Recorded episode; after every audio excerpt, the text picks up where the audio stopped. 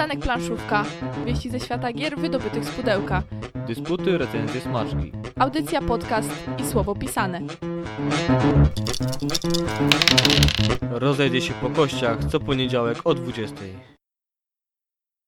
Godzina 20 minęła, przystanek Planszówka, audycja nadawana o 20 w poniedziałki w Radiu Uniwersytet. Będą dla Was mówić dzisiaj Mateusz Borowski. Łukasz Juszczak. i Agata Borowska. Dzisiaj będziemy mówić również o Arctic Scavengers, czyli tak trochę padlinożerczo nam się zrobi, tłumacząc z naszego, na nasz piękny język. Zimno.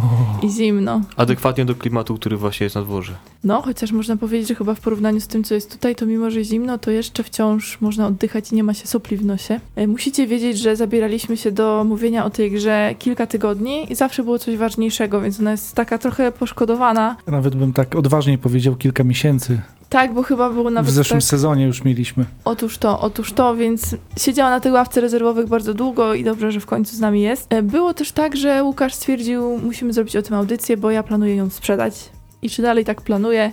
Jak się losy Arctic Scavengers y, w naszym gronie potoczyły, o tym będziemy wam dzisiaj mówić. Także chwila muzyki i zaraz wracamy do was z newsami. Zacznę od bardzo miłej branżowej wiadomości, tak żeby przynajmniej na, przez chwilę się odciepliło na audycji. Board Game Shot, którego możecie kojarzyć z Facebooka, z Instagrama. On wrzuca fotki, które śmiało można podpisywać hashtagiem Board Game Porn. E, To on między innymi palił karty na, na swoim kanale. Podpisał umowę z wydawnictwem Roxley Games e, Laboratory, dla których będzie teraz przygotowywał fotografię produktów. Mega gratuluję sukcesu, yy, spieniężenia swojej pasji. Robi to wyśmienicie, więc oby tak dalej, oby jak najwięcej dobrych zdjęć. Zawsze lubimy to oglądać. Tym bardziej, że my też trochę instagramowi jesteśmy, a przy okazji zapraszamy też i na naszego Instagrama. Watermelon Publishing od, odkrywa karty na 2019 rok. Zapowiedzieli Maximum Apocalypse, kooperacyjną przygodówkę w klimatach survival horror i biorąc pod uwagę ich dotychczasowe doświadczenia związane z YouTube'em, spodziewam się mega klimatycznych filmików promujących tytuł, e, a tak na marginesie mam wrażenie, że ten tytuł bardzo fajnie współgra z nazwą wydawnictwa. Watermelon Publishing. Nie wiem, do, czy wiecie, do czego się świetnie nadają arbuzy. E, Do wydrążenia i zrobienia drinka? Może? Przepis woodstockowy mi się przypomniał. Arbuz z y, alkoholem. E, Ja miałem skojarzenie z audiobookiem e, Walking Dead. Jak nagrywali tego audiobooka, to szukali odgłosów. Rozbijany maczetą arbuz bardzo przypomina odgłos niszczonej czaszki. Bardzo Także obrazowe. Maximum Apocalypse, Watermelon Publishing świetnie się trafiło. No i przy okazji pozdrawiamy Pio- Piotra i Marcina z wydawnictwa i zapytujemy, panowie, kiedy pogramy? To tak publicznie wzywamy. Niedawno informowaliśmy o połączeniu wydawnictw NSKN Games i Board Dice, które nastawiają się na podbój rynków światowych, a dziś możemy powiedzieć o tym, że jeden z ich tytułów będzie wydany po polsku i będzie to Dice Settlers, który ukaże się nakładem wydawnictwa Lucrum Games. Pierwotnie tytuł ten był ufundowany na Kickstarterze, zebrał niemal 200 tysięcy dolarów. Teraz jest szansa, by znaleźć się w wielu polskich domach, na wielu polskich półkach. Premiera zapowiadana jest na maj, więc długo nie będzie trzeba czekać. Z kolei tutaj 200 tysięcy dolarów, a Awaken Realms znów podbija Kickstartera. Tainted Grail The Fall of Avalon momentalnie się ufundowało. Na dzień dzisiejszy mają zebrane ponad 2,5 miliona dolarów. Trochę prześcignęli chłopaków z, z NSKN Games. Gra została przygotowana przez Krzysztofa Piskorskiego i Marcina Świerkota. Oprócz bardzo klimatycznych grafik ma także bardzo mocno nakreślony wątek fabularny w postaci kampanii wykorzystującej specjalnie przygotowany ponad 200-stronicowy skrypt. Jak przystało na Awaken Dreams, nie mogło zabraknąć szczegółowych figurek. I jeżeli chodzi o kampanię, zakłada ona ufundowanie kilku wersji językowych, w tym polskiej, ale na pewno na tą polską przyjdzie nam trochę dłużej czekać niż na angielską. Natomiast już teraz gratulujemy sukcesu. 2,5 miliona dolarów już na ich koncie. Zobaczymy, ile jeszcze zbiorą, bo do końca kampanii jeszcze trochę dni zostało. W najbliższą środę premiera Ex Libris, pozycji obowiązkowej dla każdego mola książkowego. Dlaczego dla niego? To już każdy mól książkowy na pewno się domyśla. Czyli Ex Libris trafia pod choinkę dla moli książkowych, ale także w środę premiera Mage Wars Arena od Games Factory. Tytuł, na który z pewnością czekało wiele osób, w tym tych, którzy wspierali tą grę na Wspieram to, ale na szczęście w przypadku tego tytułu już wszystko na ostatniej prostej, żadni celnicy nie powinni go przejąć, także będzie na waszych półkach. Rebel postanowił podnieść graczom poziom adrenaliny. Rozpoczęła się przedsprzedaż dodatku do gry Adrenalina, noszący tytuł Adrenalina DLC gra drużynowa. Jak nie trudno się domyślić, dodatek wprowadza rozgrywkę drużynową, ale nie tylko, w pudełku także postać szóstego gracza, a także nowe bronie. Z kolei Portal Games zapowiada dodatek do bolidów i jak sami napisali, będzie to jeszcze więcej brum brum. Brum brum, a konkretniej dwa nowe tory i nowe zdolności kierowców. Z kolei jeżeli planujecie komuś kupić w prezencie posiadłość szaleńca, bo przypominamy, planszówki to jest bardzo dobry pomysł na prezent gwiazdkowy,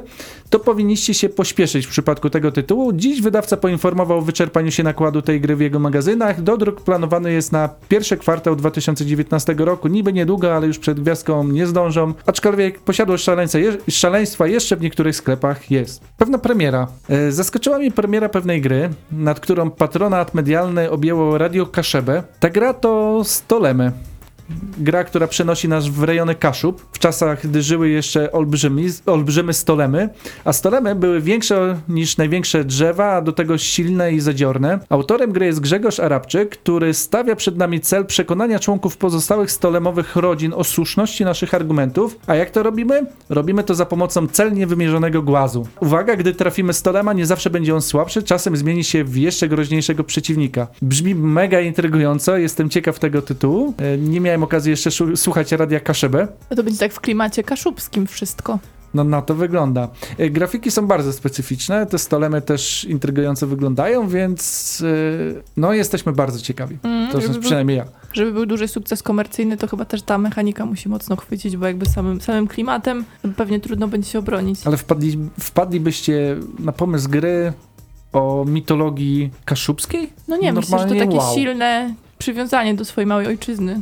No właśnie, bo tak bardziej zawsze na Śląsku się różne rzeczy dzieją, a Kaszuby też żyją własnym życiem. Nazwy miejscowości po ich, po napisane. Maturę mógłbyś zdawać, nie? No, mega. A poza tym o zombie już było tyle gier, że może coś o stolemach. A idąc dalej, do sklepów trafiły gry Wybierz mnie od Look Room Games, od Look Room Games także Aura, Fantastyczne Światy i tajniace obrazki XXL i Pandemic edycja na dziesięciolecie, to oczywiście od Rebela, e, Hunowie od Funnyverse, Demind of, e, od Fox Games, Powraca też Kemet i to z dwoma dodatkami. Te dodatki to Tasseti i Set. Premiera przewidywana jest na luty 2019, a wspominam o tym teraz, ponieważ ich wydawcą jest właśnie Funnyverse. Coraz tak prężniej widzę, że wchodzą z różnymi tytułami. Naprawdę bardzo ekspansywne e, wydawnictwo. Mam nadzieję, że poziom gier będzie równie dobry i będzie się przypychał na naszych półkach. Zagraj we mnie, zagraj we mnie. Natomiast do sklepów trafił także do dróg gry Detektyw, która sprzedaje się w Polsce jak świeże bułeczki, na świecie zresztą też. Biorąc pod uwagę, że rebelowa premiera Sherlocka jest przesunięta na pierwszy kwartał przyszłego roku, pozycja must have. Dla fanów seriali detektywistycznych, nie grających w planszówki także, ponieważ y, może się okazać, że w czasie śledztwa znajdą dowody na to, że jednak lubią te planszówki. A jeżeli chodzi o powroty, wrócił do sklepów także Azul, który podobno był y, niedostępny, już go nie było w magazynach Lacerty. A tak się złożyło, że miałem okazję ostatnio w końcu wypróbować Azula i wydaje się bardzo przyjemnym pomysłem na prezent na gwiazdkę. Także zastanówcie się, jeżeli chcecie udawać, że w końcu położycie kafelki w łazience, no to Azul akurat się nadaje. Bardzo klimatyczna gra o kładzeniu kafelek, niektóre spadają. Fajna puenta, podoba mi się. Jak słaby klej użyjesz, to spadnie. wiadomo. No właśnie, a jak spadnie, no to masz minusowe punkty użony, więc wiesz, kładź je dobrze. Propos tajniaków, to też mieliśmy taką rozgrywkę w minioną sobotę. Wiecie, zamknięcie w piwnicy w ogóle na cały dzień i do widzenia. Nikt się nie kontaktuje, bo nie ma zasięgu. Także fajne klimaty.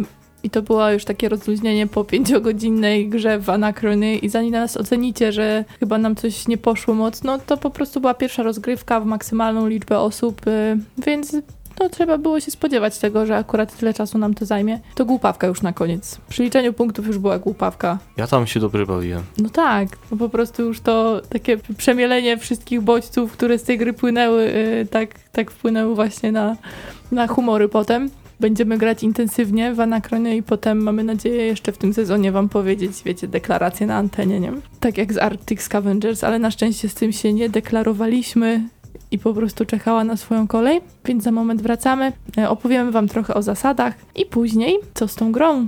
Czy warto, żeby została na półce, czy warto, żeby przybyła na tą półkę? Zaraz będziemy z powrotem. Przystanek planszówka. Wieści ze świata gier wydobytych z pudełka. Dysputy, recenzje, smaczki. Audycja, podcast i słowo pisane. Rozejdzie się po kościach co poniedziałek o 20. Jedziesz. Jadę, jadę do przyszłości, 2097 rok. Świat, w którym się chodziło.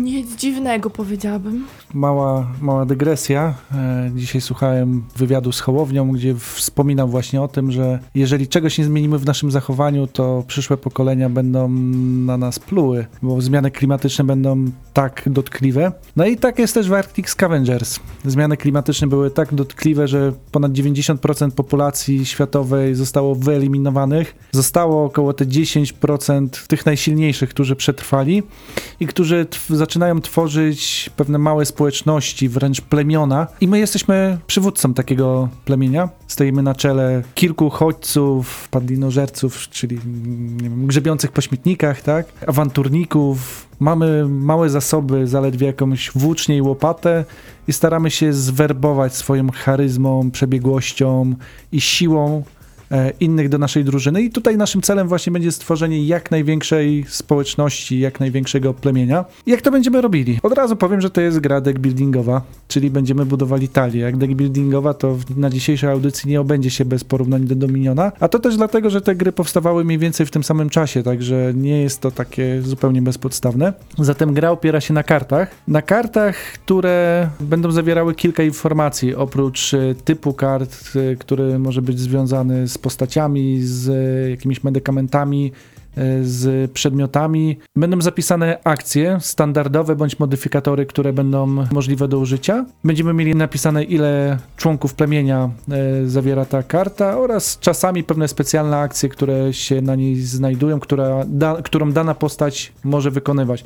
Bo na kartach zazwyczaj będziemy mieli postacie, czasem jakieś przedmioty. Jak będzie przebiegała rozgrywka? Rozgrywka będzie przebiegała kilkanaście tur podzielonych na takie same fazy, ale tutaj pierwsza ciekawa rzecz, w czasie pierwszej i drugiej rundy pomijana będzie faza walki, która zacznie się dopiero od trzeciej rundy. Natomiast sam schemat jest bardzo prosty, zresztą instrukcja sama nas informuje na początku, że nauka zajmie nie więcej niż 50 minut. Na początku mamy fazę dociągania, czyli dobieramy 5 kart na ręku. Gracz, który jest graczem rozpoczynającym, podgląda jeden z ważniejszych stosów kart, czyli stos głównych zasobów, o które będą toczone potyczki i tylko on widzi, co na nim jest. To będzie kluczowe ze względu na trzecią fazę, ale o niej za chwilę. Druga faza będzie wiązała się z akcjami, które mamy do wykonania za pomocą kart. Tutaj będziemy starali się dobierać kolejne karty z puli po to, żeby wzmacniać swoją talię. Także to, co wykorzystamy, traf, będzie trafiała nam na discard, czyli 100 z kart odrzuconych, które potem będziemy, jeżeli zabraknie nam kart do dobrania,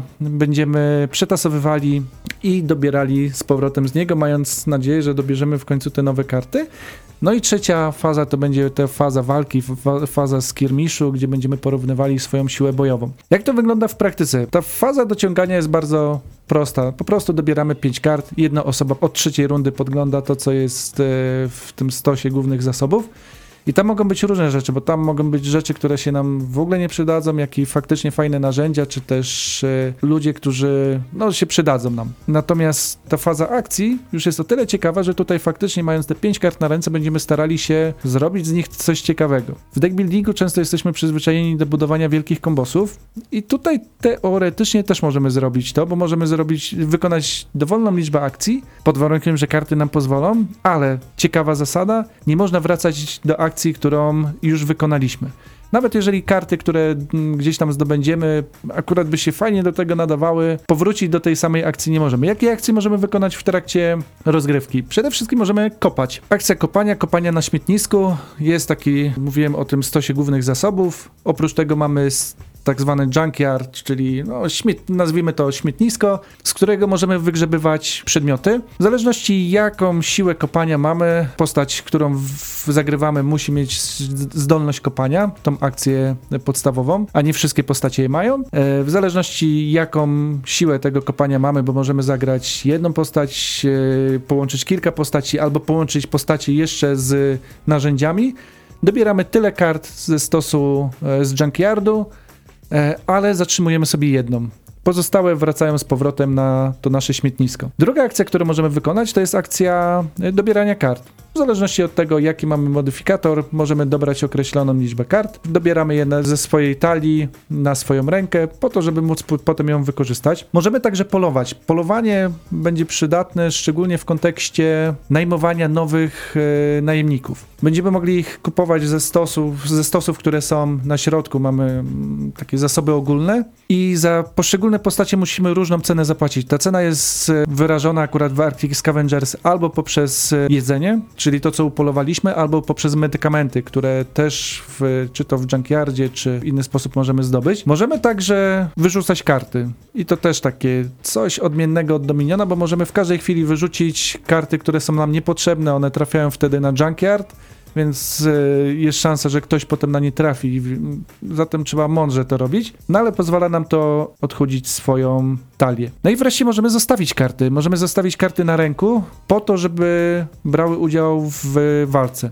Na koniec swojej fazy, fazy akcji, gracz deklaruje, ile kart zostawia, mówi to innym graczom, i tak wszyscy po kolei wykonują swoje akcje. I dopiero kiedy wszyscy skończą, wtedy porównujemy swoją siłę, którą mamy na kartach, które zostały nam na ręku. Ten, kto ma największą siłę, dostaje kartę z tych głównych zasobów, kładzie ją sobie na stos kart odrzuconych. W przypadku remisu porównywane są ilość członków plemienia, która brała udział w rozgrywce. I tak do momentu, kiedy wyczerpie się główny stos kart, i potem porównujemy, kto ilu ma członków plemienia. Ten, kto ma ich najwięcej, zwycięża. Przynajmniej tak jest w podstawowej wersji gry, bo są też dodatki, o których pewnie za chwilę też trochę opowiemy.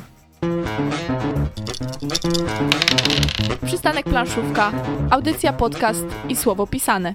Arctic Scavengers, epoka lodowcowa, dzisiaj na audycji. Eee, Mleczyk w ostatnim w tym robi. sezonie. No, ale nie jest to tak y, humorystyczne jak epoka lodowcowa filmowa, także na to się nie nastawiajcie, że ale powiało chłodem.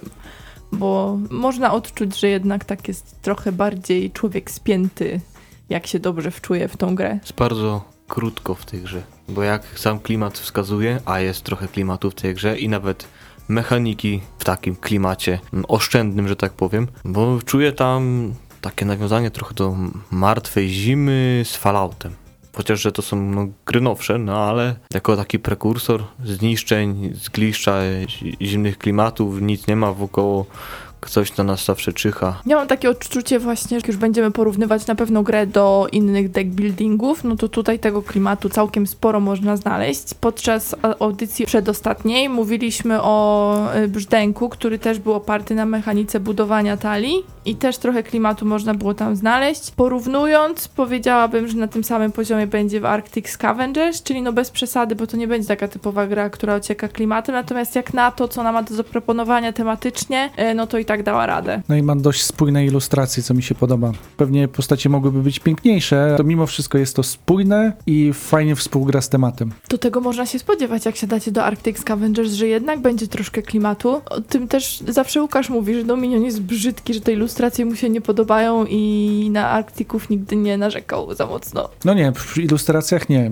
Do tego karty są czytelne, bo wszystkie oznaczenia, ten sposób zapisywania akcji po boku, tutaj nie mamy tak jak w Dominionie wypisywanej na tej dolnej balce akcji, tylko z boku są wypisane jakie akcje możemy wykonać. To jest wszystko bardzo czytelne, tym bardziej, że fajnie wykorzystano tą zdolność łączenia postaci z, z narzędziami, bo faktycznie jak nałożymy narzędzie na postać, no to te modyfikatory są zaraz obok siebie. One działania są na jednej wysokości, więc ładnie to się wszystko podlicza. I też klimatycznie się to zgadza, że postać musi mieć narzędzie, ono samo za bardzo nic nie zrobi.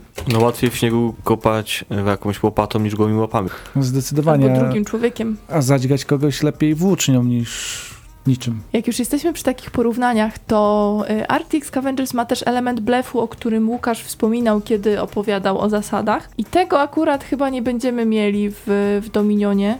Czy nie chciałabym, żeby ta audycja też tak wyglądała, że będziemy robić po prostu analizę porównawczą, no ale umówmy się, że Dominion jest prekursorem, mimo że te gry tak wychodziły w podobnym, e, w podobnym roku, tak? Z tego co wiem. 2009 9. Arctic Scavengers. a Dominion 2008, więc one pewnie dewelopowane były Mhm. w podobnym okresie. Dewelopowane. O, tak Ładne ten, słowo. chciałem tutaj nawiązać do kolegi z IT. Więc element blefu jest i on nadaje tej grze sporo smaczku. Ja wiem, że Łukasz czasami lubi tak blefować. Gdzieś tam oczami ucieka, spojrzy w podłogę. Człowiek myśli, tam jest coś mega ciekawego i w ogóle i się wyplujesz z tych kart swoich, a potem dostajesz. Jaka tam jest taka słaba karta na tym skirmiszu? Zwykłe ziomki. Zwykłe lu- ziomki. No, zwykłe ziomki, takie w sumie racuszki, co nie potrafią walczyć, bo wojownik to wojownik, zawsze coś tam potrafi Mm. atakować. Z drugiej strony może na tych zwykłych ziomkach nam zależeć bardziej niż na granacie, chociażby dlatego, że się zbliża końcówka gry i, i chcemy punkty, a tam te zwykłe ziomki to jest 4-5 punktów. No, na niektórych kartach 3, podczas gdy nasz typowy uchodźca to jest tylko jeden członek. Zgadza się. Widzę, że masz ładnie zafoliowaną, czyli dbasz o nią. Już taką dostałem. Jak ją dostałeś? Przyszła paczka i dostałem. Bo jest taka fajna akcja w internecie, o której już wspominaliśmy kiedyś. To jest Mad Handel. I to jest gra, która faktycznie przybyła na, do mnie w ramach Mad Handlu. Już nie pamiętam, co wtedy wymieniałem za Arctic Scavengers, ale sobie pomyślałem, deck building, klimat, brzmi bardzo ciekawie. No i zagrałem i potem chciałem ją sprzedać. Ja powiem wam, że po pierwszej rozgrywce w ogóle też miałam takie mieszane mocno uczucia. Że to było kilka miesięcy temu, to trudno mi powiedzieć, co przy tej całkiem pierwszej rozgrywce czułam. Ale potem im dalej, im dalej, to się okazywało, że Łukasz, nie sprzedawaj, ona jest spoko. Albo jak chcesz sprzedać, to sprzedaj nam, jak coś, to przyjdziesz do nas na granie. Nie wiem, jakaś taka dziwna we mnie zaszła przemiana, może to po prostu na przestrzeni miesięcy? Ta mechanika też bardziej wpleciona niż suchość do miniona. O, teraz mi się dostanie. Nie, ja się w 100% zgadzam. Tutaj o dziwo ciężko mi zaprzeczyć temu argumentowi. No chociażby odrzucanie kart w Arctic Scavengers jest takie, że po prostu odrzucasz to na śmietnik. No to tak jak w klimacie takim post-apo, jeszcze śnieżnym, nie masz energii, nie masz zasobów, żeby dachać całą wioskę ze sobą, no to hejo, zostajesz na śniegu, już nie potrzebujemy ciebie, nie potrzebujesz jakiejś tam łopaty, ją wyrzucisz, nie wiem, nie potrzebujesz jakiegoś karabinu, nie potrzebujesz, wyrzucisz. Fakt, potem no leży to na śniegu, więc inny gracz może przyjść i to po prostu podnieść, zdobyć, Mhm. zagarnąć do Jak swojej. Przekopię odpowiednio mocno wioski. Junkyard, to jak najbardziej. Tym bardziej, że Junkyard co jakiś czas jest przetasowywany, więc y, tak naprawdę nie wiadomo, co nam się trafi podczas tego grzebania. I tutaj mamy element ten, którego nam trochę w brzdęku brakowało, jak wam opowiadaliśmy, czyli mm, mechanizmu czyszczenia talii. Bo, bo to jest czyszczenie talii tak w zasadzie, że możesz Mhm. sobie odrzucić to, co masz i jakieś tam nie, bezużyteczne łopaty i jakieś inne narzędzia mogą znaleźć się właśnie w tym stosie kart odrzuconych i nie musisz ich dobierać na rękę, co jest, co jest użyteczne. Ten, ten śmietnik nie, nie chodzi za nami cały czas. Tylko jak sama mechanika tej gry pokazuje, że grzebiesz po śmietnisku, czyli ciężej zdobyć jakikolwiek no, bardziej przydatny przedmiot, czy Mhm. coś, coś fajnego, co nam się może przydać w kolejnym przetasowaniu naszej talii. Zresztą tutaj powinienem jeszcze doprecyzować, co powiedziałem, tłumacząc zasady, bo wspomniałem, że e, grzebiemy na tym śmietniku, bierzemy tyle kart, ile, na ile pozwala nam nasz modyfikator. Brzmi to mega klimatycznie. I bierzemy jedną. Tak naprawdę bierzemy jedną albo żadnej, bo możemy od razu odrzucić wszystkie, stwierdzając, że nic nie potrzebujemy. No jak w życiu, nie? No, jak widzę zużytą baterię, to nie muszę jej brać. Bo po co? Połamaną łopatę, bo po co? Ja tak się zastanawiam trochę nad tym, jak długo ta gra będzie się sprawdzać, bo z tego, co czułam, to ona najlepiej smakuje jednak z tymi dodatkami, czy rozszerzonymi rozszerzeniami, z tymi modułami, które ją trochę urozmaicają. Sama podstawka jednak może dla graczy nie być satysfakcjonująca i mimo, że klimatu to jej nie odejmie, to jednak te rozszerzenia wprowadzają Mhm. trochę więcej mm, zamieszania tam. No bo właśnie to jest kolejna różnica między tym a innymi deckbuilderami. Nie wiem, weźmy Star Realms. Mamy jedną dużą talię, karty dochodzą nam bardzo losowo, każda rozgrywka dzięki temu jest unikalna. Weźmiemy Dominiona, bierzemy 10 z 25 zestawów, jaki mamy w podstawce. Weźmiemy, nie wiem, Thunderstone, też wybieramy jakiś zestaw e, potworów i tych wszystkich kart, które się pojawiają. Tutaj wszystkie zawsze wchodzą do gry. W tej podstawowej wersji Wszystkie dostępne postacie są wykładane od razu na stół. Cały junkyard, cały stos głównych zasobów. Nie ma tutaj żadnej zmienności. No i to jest jedna z tych rzeczy, która gdzieś we mnie powodowała taki wewnętrzny sprzeciw. No tak, no ale po co do tego siadać więcej niż kilka razy? A jednak siadasz, ale teraz było to bardziej z obowiązku. Powiedzieliśmy, że chcemy wam o tym opowiedzieć. A tak, to chyba jednak wiele gier ją zepchnie na dalszy plan. Czy chętnie wybierzecie inny, inny deck building? Jaki deck building mi się taki kompaktowy, to jedynie Stary Arms przypomina. Chociaż Stary Arms też się teraz rozrosło. No ma trochę tych dodatków, ale mimo wszystko no, są bardziej dostępne. Jeszcze dopowiedzmy o tym Arctic Scavengers. E, On ma dodatki i niektóre pudełka mają już od razu dodatki. No ja mam to szczęście, że posiadam wersję, która ma podstawkę, która ma w sobie od razu dodatek HQ Expansion, Headquarters. czego szczerze mówiąc nie wiedziałem nabywając go. Na pudełku tego nie widać i to było miłe zaskoczenie. W ogóle wspomnę, że wydało to też Rio Grande Games, czyli ten sam wydawca, co wydał Dominiona na świecie. Oni czują potencjał w tym budowaniu talii, tylko szkoda, że po polsku nie uświadczymy, chociaż nie wiem do końca, czy to jest tak bardzo potrzebne. Bo te napisy na kartach nie są jakieś bardzo długie. Natomiast jak ktoś nie ma styczności z językiem angielskim, to mimo wszystko może być to trochę kłopotliwe, szczególnie na początku. Mhm. Te polskie instrukcje pewnie już się pojawiły w internecie, nie? Polak sobie poradzi, Wiesz czy nie? co? To znaczy w pudełku, które miałem, była dołączona, to znaczy, które mam. Nie Mhm. sprzedałem. To już taka podpowiedź trochę, co się na końcu może pojawić. Jest jakieś tłumaczenie instrukcji, natomiast przyznam, że nie mogłem się w nim do końca połapać. Brakowało mi spójności w tłumaczeniu. Nie wiem, kto tłumaczył, więc e, skorzystałem z oryginalnej wersji. Natomiast na BGG nie znalazłem polskiej instrukcji. Mhm. Także mimo wszystko popularność tej gry w Polsce jest naprawdę mała. Czy słusznie? To zaraz pewnie jeszcze po coś powiemy. Ale gra jeszcze nie jest zakopana tak do końca pod śniegiem, bo jak sama gra wyszła w 2009, to kolejny dodatek, ten pierwszy HQ wyszedł w w 2011, potem kolejny e, Recon w 2015 i w sumie według obliczeń to powinien być jakoś teraz, nie? Kolejny jakby miał coś Że będzie rozwijana? w takich No. odstępach równych to w sumie miały wychodzić 3-4 lata. Może w zapowiedzi katastrofy klimatycznej w końcu nas, w nas obudzą takie klimaty. O, widzę, że Bart tłumaczył e, sklep Bart instrukcję. To taka ciekawostka. Najwyżej Łukasz będzie wam kserokopię przesyłał albo skany, jakbyście chcieli zagrać. Faktycznie no w Polsce ona nie jest szczególnie popularna. Znalazła się na mathandlu, czyli ktoś jednak nie zapałał do niej wielką miłością i tak też Łukasz miał taką średnią Albo zagrał tyle razy, że już postanowił wymienić. No.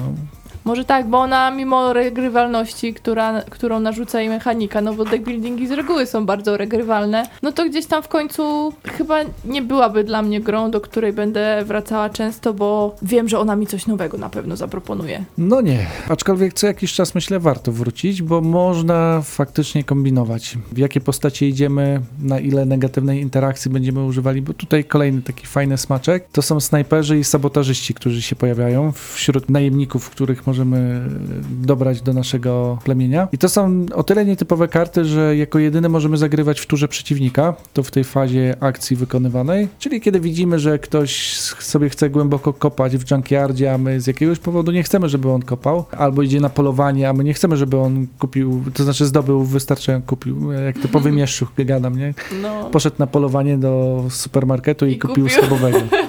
No, Wielki zdobywca. Zostań bohaterem w własnym domu. Więc y, upolował jakąś zwierzynę. Możemy zagrać sabotażystę, wtedy on musi odrzucić jeden z przedmiotów, który użył, więc gdzieś mu szkodzimy. Snajper działa w ten sposób, że możemy odstrzelić daną osobę, natomiast nie odstrzeliwujemy na amen, czyli nie zabija nas. Ostrzeliwujemy, tak? Tak, nie zabija nas na śmierć, jak to kiedyś w reklamach było, tylko jest odrzucony nas to z kart odrzuconych, zatem wróci kiedyś, ale tej akcji już nie wykona. Więc tutaj wredna akcja. Możemy to też zostawić na tą fazę pojedynku, skirmiszu, gdzie po kolei to jest rozpatrywane i to gdzieś tam w instrukcji widzę, że nie tylko mi z początku sprawiało trochę trudności, jak to interpretować, bo nagle trzy osoby zagrywają snajpera. To tak jak w Neurosimie Hex było, czy w zasieciowany sieciarz ciągle sieciuje. Tak tutaj dylemat, jak to rozpatrywać, natomiast no, okazuje się to proste. Rozpatrujemy w kolejności od gracza rozpoczynającego, więc któryś ze snajperów może zostać odstrzelony. Ta negatywna interakcja też będzie dobrze współgrała z y, klimatem. Znaczy klimat, wciąż wydaje mi się to za duże słowo, no ale jak na building to powiedzmy, że jest ok.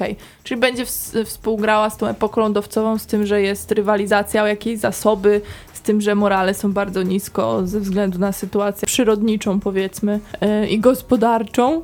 Zatem duży plus za, za tych właśnie snajperów, których możemy się trochę obawiać. Gdzieś tam nawet przez to mogą się emocje pojawiać. Ten element blefu też na pewno trochę emocji nam daje, więc to nie jest tak, że siadamy i się nudzimy, tylko zagrywamy karty, bo no ja tam akurat coś tam poczułam, jak grałam. I nawiązując jeszcze do blefu, czyli samego skirmiszu, czyli tego pojedynku o to główne dobro i nawet jeśli wszyscy zablefują i ukryją nie wiadomo ile kart z czymś, z jakimś wojskiem, tylko może się okazać, że po prostu nie ma tam wojowników, tylko są no zwykli ludzie i możemy wygrać po prostu masą, ekipą. Mam większy klan, który poszedł po coś i oni się boi klanu, który jest mniejszy, niekoniecznie mają tam wojowników zawartych. Po prostu nas jest więcej, my to zabieramy. Nie muszą się faktycznie naparzać. Klan. Brzmi tak, nie wiem, to słowo ma u mnie jakiś dziwny wydźwięk. Klan. Klan?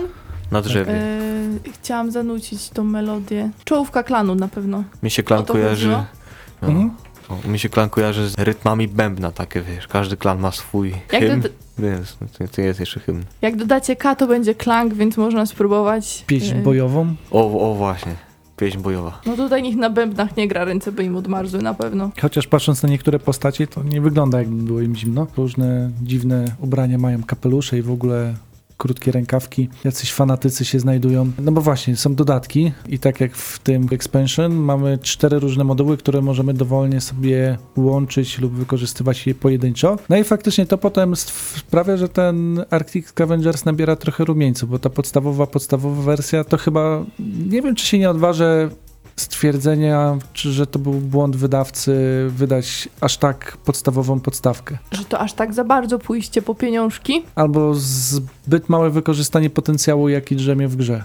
Otóż to, bo przecież musisz najpierw zakochać się w podstawce, Mhm. żeby chcieć do tego dokupić dodatki. Rzadko jest tak, że no ta podstawka, nie wiem, taka straszna nuda, ale na pewno kupię dodatki i będzie lepiej. Mnie akurat coś takiego denerwuje, jak na przykład wydawca sam zapowiada, słuchajcie, podstawowa wersja, tam nie chodzi to i to, ale na pewno będą dodatki, to wtedy...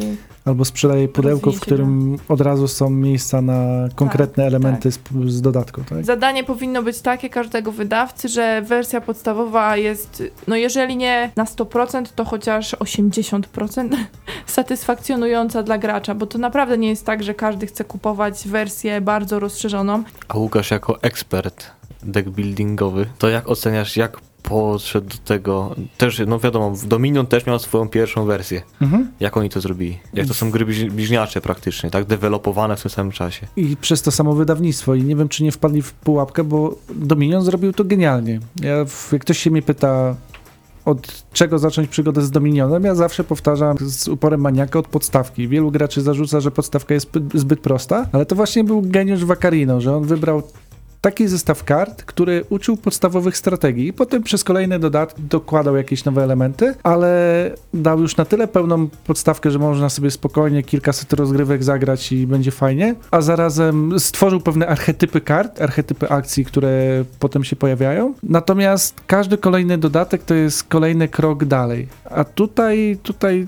czegoś mi trochę zabrakło. Może tego urozmaicenia, tak? Bo nie ma możliwości zmiany początkowego układu. A dodatki to wprowadzają, mając te moduły, czy to możemy sobie dodać postać medika, który e, pozwala chronić się przed atakiem snajpera, czy wstawiać budynki za pomocą inżyniera. Budynki pozwalają nam odkładać niektóre karty, żeby wykorzystać je później, więc mamy też większą kontrolę nad talią. Wreszcie pojawiają się liderzy, którzy zmieniają działanie niektórych kart, tak jak mamy naszych uchodźców, którzy tak naprawdę niewiele mogą w grze. Ewentualnie możemy im niektóre narzędzia dać, łopatę i puścić na polowanie pod warunkiem, że jakieś narzędzie mają. Tak tutaj się okazuje, że określony lider, rzeźnik, czy kanibal, czy jakiś inny gangster potrafi wykorzystać te postacie w inny sposób, więc każdy gracz i każdy gracz dostaje innego lidera, więc w trakcie rozgrywki różne te zdolności będą. I to już jakoś urozmaica. Zastanawiamy się też, czy ktoś z Was ma tylko podstawkę Arctic Bez, bez tych rozszerzeń i czy jesteście usatysfakcjonowani taką rozgrywką, bo przydałaby się jakaś taka kontropinia, naszą znacie już. Może ktoś będzie chciał przeczytać w komentarzach pod y, podcastem, także śmiało dawajcie nam znać. Myślę, że już tak zmierzając ku końcowi audycji, zastanowilibyśmy się jeszcze na tym, do kogo skierowana jest ta gra i komu byśmy ją ewentualnie polecili bądź nie polecili, czy ona zostaje Łukasz z tobą i jeżeli tak, to dlaczego, a jeśli nie, to co o tym zadecydowało. Nie jest to tytuł, który, po który sięgnę jako tytuł pierwszej potrzeby, ja muszę w to zagrać. Pewna chemia jakaś wystąpiła, nie ukrywam. Intryguje mnie cały czas spróbowanie czegoś nowego, trochę podrążenia, natomiast jest to tytuł, który no mimo wszystko ginie w, w natłoku innych tytułów i myślę, że ciężko by było zachęcać jakieś szerokie szerokie grono do spróbowania. Natomiast warto spróbować chociażby dlatego, że on ma zupełnie inne podejście do budowania talii, bo raz to, o czym Mateusz mocno wspominał, czyli e, możliwość wyrzucania kart, co jest i klimatyczne i bardzo fajnie pozwala kontrolować talię, a dwa, że tutaj nie mamy tak wielkich kombosów jak w Dominionie. Tutaj nie zagramy 30 kart w jednej, w jednej turze, przewalając całą talię do góry nogami, jeszcze odrzucając, dobierając, odrzucając, dobierając. Tutaj tak naprawdę czujemy cały czas ten klimat yy, braku, niedostatku. To świetnie, świetnie współgra temat z, z tym, jak mechanicznie to zostało rozwiązane. A z drugiej strony, jak zobaczę karciankę, mam wrażenie, że ta karcianka już jest ileś lat przede mną, powstała, ma już tyle dodatków, że jakbym chciał to wejść, to nie wiem, gdzie ja jestem, nie potrafiłbym tego dogonić. A tu tak mam jednak raz, że to Mhm. jest zamknięte pudło i wiem, że to mi nie urośnie ani wszerz, ani wzdłuż, chyba, że kupię dodatek i tych dodatków też nie ma aż tyle, Mhm. nie wiem, trochę mi się bało do miliona teraz ruszyć, bo czułem ten niedosyt, że nie mam tych 10-11 dodatków, z które wyszło. Idzie Czy- 12, gdzieś tam jest między Stanami Zjednoczonymi a Polską obecnie. No właśnie i będę musiał wywalić te pieniądze z portfela, bo będę czuł cały czas taki niedosyt, Mhm. wiesz. Czułbym głód cały Czułbym czas, głód, bo Dominiona właśnie. kupiłem kolejnego, tak. Więc tu jest taka bardziej okazja, żeby kompletną Mhm. grę naraz, która naprawdę no, daje dużo satysfakcji z grania. Na pewno bym polecał osobom, które grają przynajmniej w trzyosobowym gronie, bo tryb dwuosobowy traci, chociażby dlatego, że ten blef już nie jest taki fajny, jakby mógł być.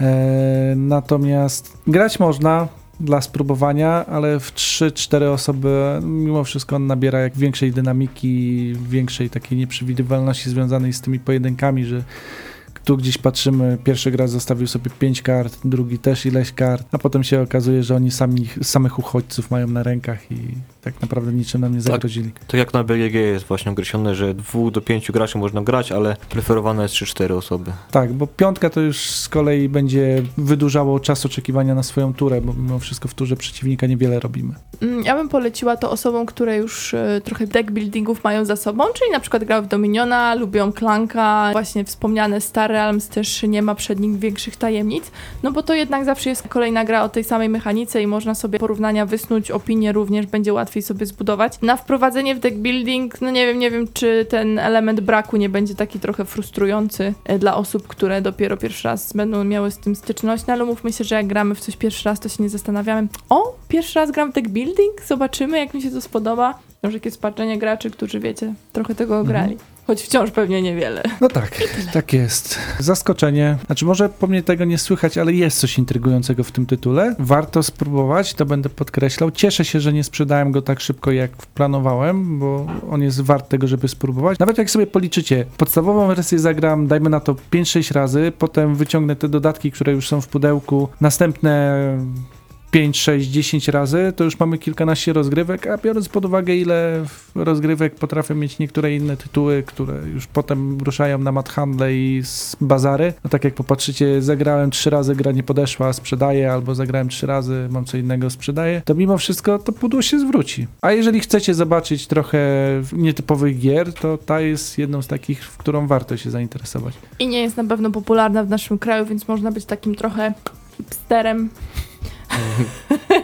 Jeździć na ostrym, pić kraftowe piwo i jeszcze zagrać w Arctic Scavengers, najlepiej w I być flexitarianem. Tak, także tutaj polecamy, chociaż tutaj nie wiem, czy Flexitarian jak y, padlinę wyżerać ze śmietnika, ale to już pozostawiamy waszym y, wartościom i jadłospisom. Za tydzień do was wracamy z audycją, no przedświąteczną. Potem będziemy się słyszeć dopiero w nowym roku. Radio sobie tak działa, że przerwa świąteczna też będzie. Będzie nam miło mówić do was za tydzień, fajnie jak będziecie z nami. E, postaramy się o grę jakąś bardzo świąteczną, a jak życie nam pokaże inaczej, to pokażemy wam też jakąś ciekawą, ale bez klimatu świąt, bo może jak Grinch nie lubicie wcale tego. Yo ho ho. Jak można nie lubić świąt, jak jest szansa, że się znajdzie grę pod choinką? No właśnie, ja nie wiem, to jest najlepszy czas na to, żeby swoją kolekcję powiększać. A wiecie, bo Mikołaj naprawdę istnieje i nawet jeżeli sami podłożycie sobie grę pod choinkę, to będzie, można powiedzieć, Mikołaj przyniósł, byłem grzecznym dzieckiem. Otóż to, a jak dobrze na przykład być w rodzinie, która e, gra w planszówki, bądź w związku, w którym gra się w planszówki, kupujesz grę dla kogoś, a tak naprawdę przecież no z kim ten ktoś będzie grał? Z tobą. Perfekt, perfekt prezent dla kogoś, dla siebie. Wracamy za tydzień, dziękujemy za dzisiaj, mówi dla was Mateusz Borowski. Łukasz Juszczak. i Agata Borowska, do usłyszenia.